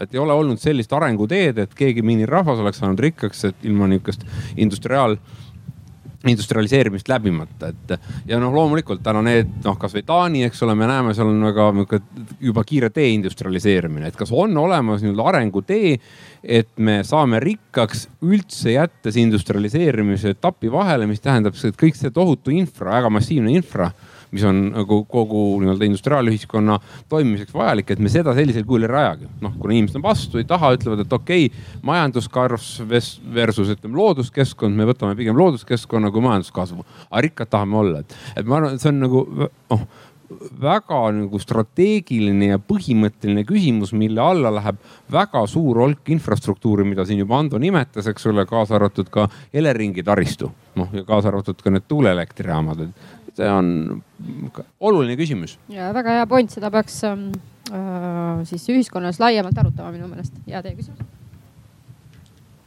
tuulikuid tuntakse meie Eesti saartel umbes tuhat aastat. on väikseid, on suuremaid, suuremad on üsna suured olnud kivikehaga. kui suurtest kui suurte tiivikutega jõuallikate juurest peale hakkavad probleemid elanikele? oh ja need probleemid hakkavad juba, see piir on väga madal ütleme niimoodi, et äh, kui me vaatame praegu noh, siis neid eelmisi, eelmise põlvkonna tuulikud, mille masti kõrgus oli kuskil sada meetrit ja, ja rootori diameeter oli teissada meetrit ehk siis tipu kõrgus oli sada viiskümmend meetrit, siis juba nendega olid probleemid. Äh, uued tuulikud on niimoodi, et äh, sellele tipukõrgusele võib rahulikult üks viiskümmend meetrit otsa liita ja, ja areng on jätkuv, et äh, juba kakssada viiskümmend meetrit tipukõrgus ja nii edasi, nii et see piir on ammu ületatud. aga kust need probleemid peale hakkavad, kui väikesed peavad nad olema? no äh, seal ongi see paradoks, et kui see tuulik on nii väike, et ta probleeme ei tekita, siis ta ei tooda ka mitte midagi, sest et ta on kuskil peidus, kuskil metsa taga, kuskil maja taga, kus ei puhu ka tuul et igal juhul on probleemid. igal juhul on probleem, tuulik peab olema ikkagi seal avaras kohas, kus tuul puhub ja, ja, ja mitte niisugune turbulentne puhanguline, vaid, vaid äh, stabiilne tuul. kolmekümne meetrine tuulik paistab selle maja tagant ka veel. jah, et kus see kirik, ma ei tea, kui kõrge see kirikutorn on, keegi julgeb pakkuda või? noh, Ando ütles viiskümmend meetrit. aga kui need väikesed on ridamisi seal? no neid ei tooda ja noh, seal läheb, nad lähevad lihtsalt nii kalliks, et seal ei ole mitte mingit mõtet. et kui me vaatame ka väikeenergeetika arengut tegelikult, siis äh, väikeenergeetika areng ja taastuvenergeetika areng just läheb ikkagi ainult päiksepaneelide suunas.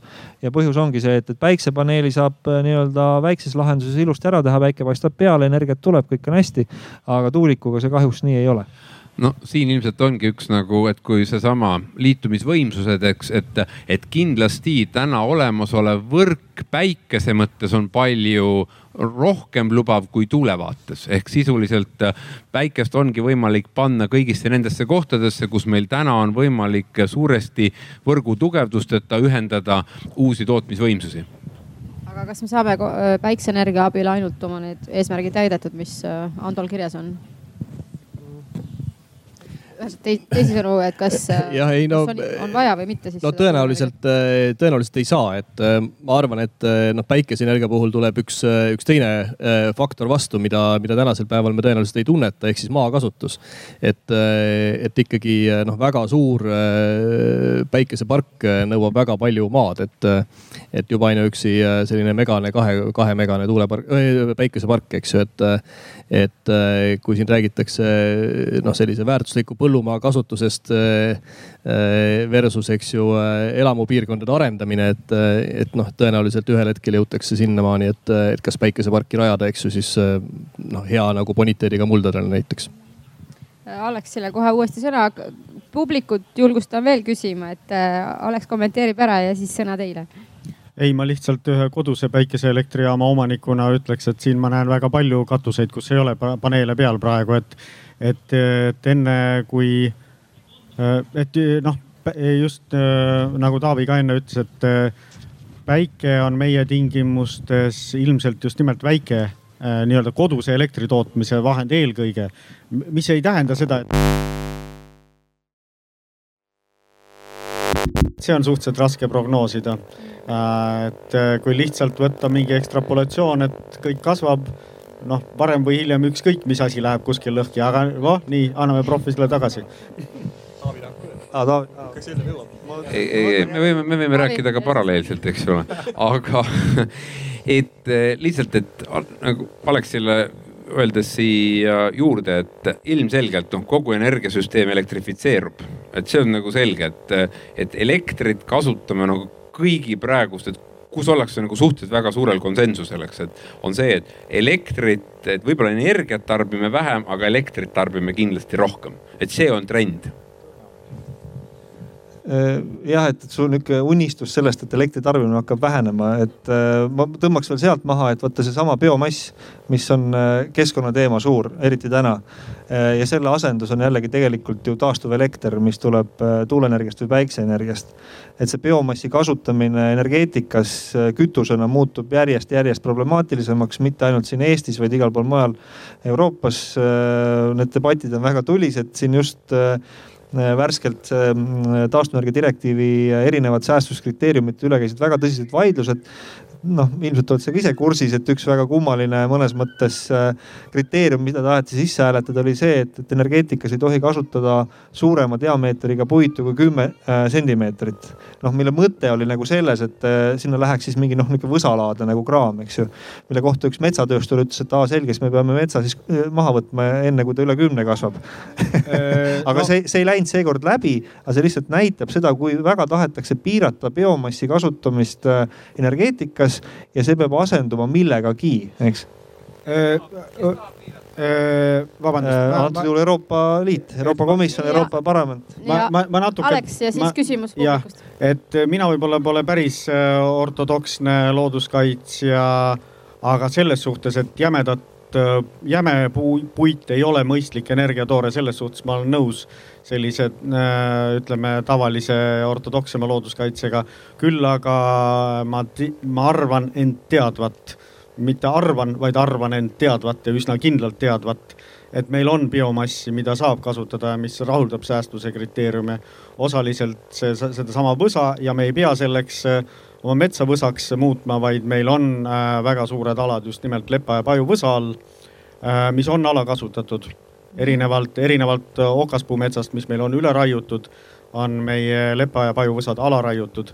Äh, seda esiteks ja teiseks äh, meil on, tänane aasta muidugi on natuke eriline, aga üldiselt meil on heina biomassi ülejääk et kui me lõpetame ükskord selle heina sodiks jahvatamise Euroopa toetustega ja hakkame kogu seda heina kasutama millekski mõistlikuks, siis osa selleks, sellest on energiatoore ja see on hea energiatoore, sellel tuleb ainult ajudega, seda tuleb ajudega põletada, mitte, mitte ilma ajudega. üks väike probleem, mulle meeldib nii kangesti sinuga vaielda, on see väike probleem. hein on äärmiselt madala energiasisaldusega, mis tähendab seda, et tema varumine ja transport on väga suure fossiilkütuste sisaldusega ja fossiilkütustel on teatavasti hind ja mis muudab ja. tegelikult selle heina ehk siis selle taastuvenergia tooraine äärmiselt äh, Li. Lihulas, Lihulas läks heinast rääkisime, päikesest rääkisime, nüüd tuleme tuule Ehk siis- Kullas läks küte kordades odavamaks pärast seda, kui mindi põlevkiviõlilt luhaheinale, kordades.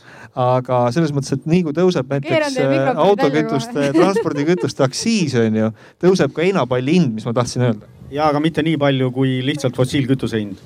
nii, aitäh, küsimus. Ja Raul Potisepp Elektritransport OÜ-st. homme on siin äh, elektriautode ja gaasiautode teema, et äh, see ka ilmselt elektri äh, siis tarbimist suurendab. aga see on jah homme kell kaks. minu küsimus on see, et palju siis tuulikuid mahub Eestisse, et äkki saaks igaüks mingisugune megavattides mingisuguse suurusjärgu anda, et ja hea, hea mõte, igalt ühelt üks number. alustame Martinist. ei no ütleme niimoodi, et eeldusel, et see piir, mis sai siia joonistatud nagu paika peab ja sellest on võimalik liikuda lääne poole, siis ikkagi tuhandeid, tuhandeid megavatte. nii, kuidas võrk sellele reageerib? Taavi? ma arvan, et võrgupiirangud iseenesest, võrgupiirangud on ju lokaalsed, eks. et eh, võrku saab arendada, et võrk kindlasti on suuteline vastu võtma ka neid eh, tuhandeid ja tuhandeid eh, megasid, kui võrku vastavalt eh, arendada, aga võib-olla üks number, mis on ju teada, kes on tuuleenergeetikaga tegelenud, et on see number, mille me kunagi välja arvutasime, et põhimõtteliselt noh, juba tollal, eks ole, Estlink kahe eeldusel, ütleme sisuliselt tänase elektrisüsteemi äh, nii-öelda konfiguratsiooni eeldusel, et üheksasada mega on võimalik installeerida tuulikuid sisuliselt äh, ilma selleta, et nende tootmist tuleks piirata, see piirang oli mingi null koma üks protsenti oli see äh, piirangu ulatus äh, ja siit muidugi noh edasi, et äh, ja, ja, ja kindlasti, kus ka Elering lisaks selle kaardirakendusele, mida ma siin eelnevalt demonstreerisin, eks, et, et kus me tahaksime andma rohkem nii tootjatele kui tarbijatele teadmist, eks. me täna ikkagi töötame ka võrgu liitumistingimustega selliselt, et oleks võimalik paindlikud liitumised, et meil oleks võrguautomaatika selline, et a la kui ei mahu kõigil tundidel, nagu me vanasti arvutasime, noh, Martin siin teab hästi, eks ole, et, et kui kõigil kaheksa tuhande seitsmesajal kuuekümnel tunnil aastas ei mahu täpselt see kolmkümmend viis meksi läbi, eks ole, ütleme niimoodi, siis ei ole sellest lähtuvalt vaja uut juhet tõmmata, vaid tegelikult on automaatika, et kui ta mahub seal kaheksa tuhandel tunnil läbi ja seitsmesaja kuuekümnel tunnil ei mahu, siis sisuliselt automaatika piirab ta alla, eks, et me töötame ka selliste lahendustega et, et need liitumised oleksid paindlikud ehk installeeritud võimsust oleks rohkem ja täpselt, mis siis annab, et väga paljudel tundidel, et see kogu see megavatt-tund või, või gigavatt-tund, mida me siis nii-öelda Eestis toodame, et see oleks palju, palju suurem, suurem total. Ja teine on see, mida siin härra eelnevalt küsis, et, et muidugi, et, et ka, ka teine pool, et juhtida võrku sellist ja, ja soodustada ka tarbimist ja tarbimise juhtimist nii-öelda koha peal, et, et tõesti, et see toodetav energia ka koha peal võimalikult palju ära tarbida ehk sisuliselt tekitada regionaalne energia hinnastamine mis siis tähendakski seda jälle, et me kogukuluna, mida me sotsialiseerime tariifi, peaksime vähem investeerima võrgu tugevdustesse, et me ei pea kõiki elektrit Saaremaalt ära tooma, vaid sisuliselt me nii-öelda soodustame seda, et, et see elekter tarbitakse siin Saaremaal ära, eks sisuliselt nii-öelda kohalik tarbimine versus võrgu investeering, eks, et, et me, me töötame kindlasti selle nimel, et võrk oleks adaptiivsem, paindlikum neid tootmisvõimsusi, olgu ta siis päike või, või tuul või, või mingi kolmas äh, primaarkütuse põhi, primaarkütus, mida kasutatakse tootmiseks, et, et neid, neid võrku tuleks enam. Aitäh, ma palun äh, sealt Pille juurest hakkame tulema selle numbriga ja kuna meil on aeg kahjuks läbi, siis palun ainult numbrit, et mis, mis see megavatid siis võiks olla, mis Eestisse tuleb. mina ikkagi ei ütle numbrit, ma ütlen seda, et tegelikult see number on seotud väga teie homse aruteluga. minu arust igasugune tuuliku tekkimine on niivõrd selgelt seotud praegu sellega, kuidas me seda me suudame planeerida ja kuidas mõjusid hinnata. et äh, praegu eriti on see olukord selline, et, et võib-olla tõesti on meil vaja eelkõige keskenduda sellele, et me ei tekita juriidilist ülereguleerimist veel esinejaid. ja ma vabandan. et vestlus veel käib, ma loodan, ma saan rikastada seda kuidagi. numbri öelda. kaks minutit on juba üle. ei ole rakette leidnud. aga ja meil on see ring, et kui palju tuulikuid Eestisse võiks tulla ja üks number ainult sinult. hästi palju. keegi teine pole veel öelnud. ja miks nad ei saanud, kas keegi rääkis, miks nad ei saanud sinna Hiiumaale tulla või? Et miks see mereasi okay.? see on müstika, lihtsalt, et ajalehtedes on kogu aeg räägitakse sellest, kuidas kaitseministeerium ahistab äh, tuult ja tuule neid püüdjaid.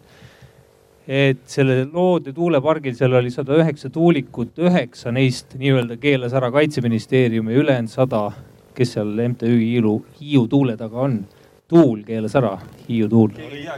riigikohus keelas ära, aga aga et äh, kuivõrd siin minust tehniliselt märksa taiplikumad inimesed ütlesid siin äh, mit- äh,, oota, palju sa ütlesid, tuhandeid ja tuhandeid ja ma, ma, ma, ma ütleks, ma ütleks siis ka täpsusega, et üsna mitu tuhat.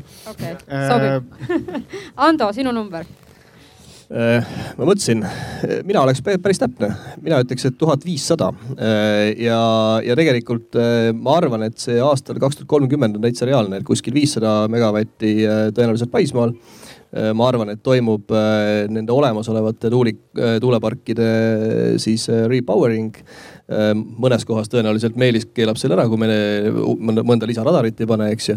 aga, aga mõned tuulepargid õnnestub maismaal juurde ka ehitada ja, ja tegelikult ma arvan, et viisil või teisel realiseerub äh, merealadel kuskil tuhat megavatti, nii et tuhat viissada. Mhm. nii, Meelis, kas me mahutame selle tuhat viissada kuhugi ära? tahtsin veel öelda seda, et äh, võib-olla isegi mahutab, aga, aga siin on minu arust just äh, tuuleenergia lobistidel kellest, äh, kelle elu läheb nüüd kergemaks, sellepärast et üks neist läheb valitsusse kohe ilmselt.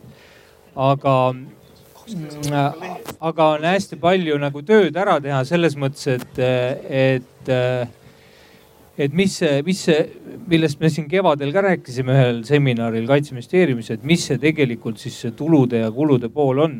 et see kogu see riigikaitseline asi on need piirangud on teatud määrani ikkagi kinni ka selles, kas me paneme lihtsalt lisavahendeid sinna alla, et äh, vabu arendusaluseid juurde luua. Ähm, ja see omakorda sõltub sellest, kas see investeering riigile või siis arendajale endale kuidagi ära tasub, et, äh, et see noh, see, et see mata vajab veel tegemist aga väga raske, et see on oma, omamoodi on see nagu sihuke kvantfüüsika või kvantmatemaatika, sellepärast et me võime terve Eesti peale kogu selle äh, mata ära teha, aga siis tuleb ikkagi ju mingi kobras või hüljes ja keelab kõik selle asja ära, et ja investeeringud ka riigi poolt lähevad nurri ma võin veel midagi öelda või? ja ei, põhimõtteliselt võib ka asjadele niimoodi läheneda, et ei olegi mõtet midagi teha, et see on täitsa okei. Okay.. et aga, aga, ja sama seisukohta üks aastaid tagasi oli üks Äh, Eesti teadus-arenduse eest vastutav äh, riigiametnik äh, noh, põhimõtteliselt esitas sama seisukohta, et tegelikult Eesti on nii väike, vaene ja nõrguk, et meil ei ole mõtet selle valdkonnaga tegeleda. mina arvan, et me ikkagi võiks üritada midagi teha, et isegi kui kuskil see kobras on, siis vaatame, arutame selle kopraga neid asju ja, ja leiame mingid lahendused ja selle mõtteterega on väga hea lõpetada ja minul on nii põnev, et ma jätkaksin veel, aga tegelikult tuleb kell kuus järgmine arutelu Taavi Veskimäe juhtimisel peale ja see on energiajulgeoleku teemast, nii et, et sa võid äh, Meelis äkki sinna jääda siis ja. Nonii, muutsime just päevakava, aga suur-suur tänu kõigile, kes te tulite, erilised äh, tervitused nendele, kes tulid kas jalgsi või siis rattaga. meil on siin palju inimesi, kes tulid Tallinnast rattaga siia kaks neist on ka laval ja üks jätkab kohe diskussiooni juhtimist, nii et äh, väga äge. Äh, aitäh esinejatele, aitäh kuulajatele, tulge homme tagasi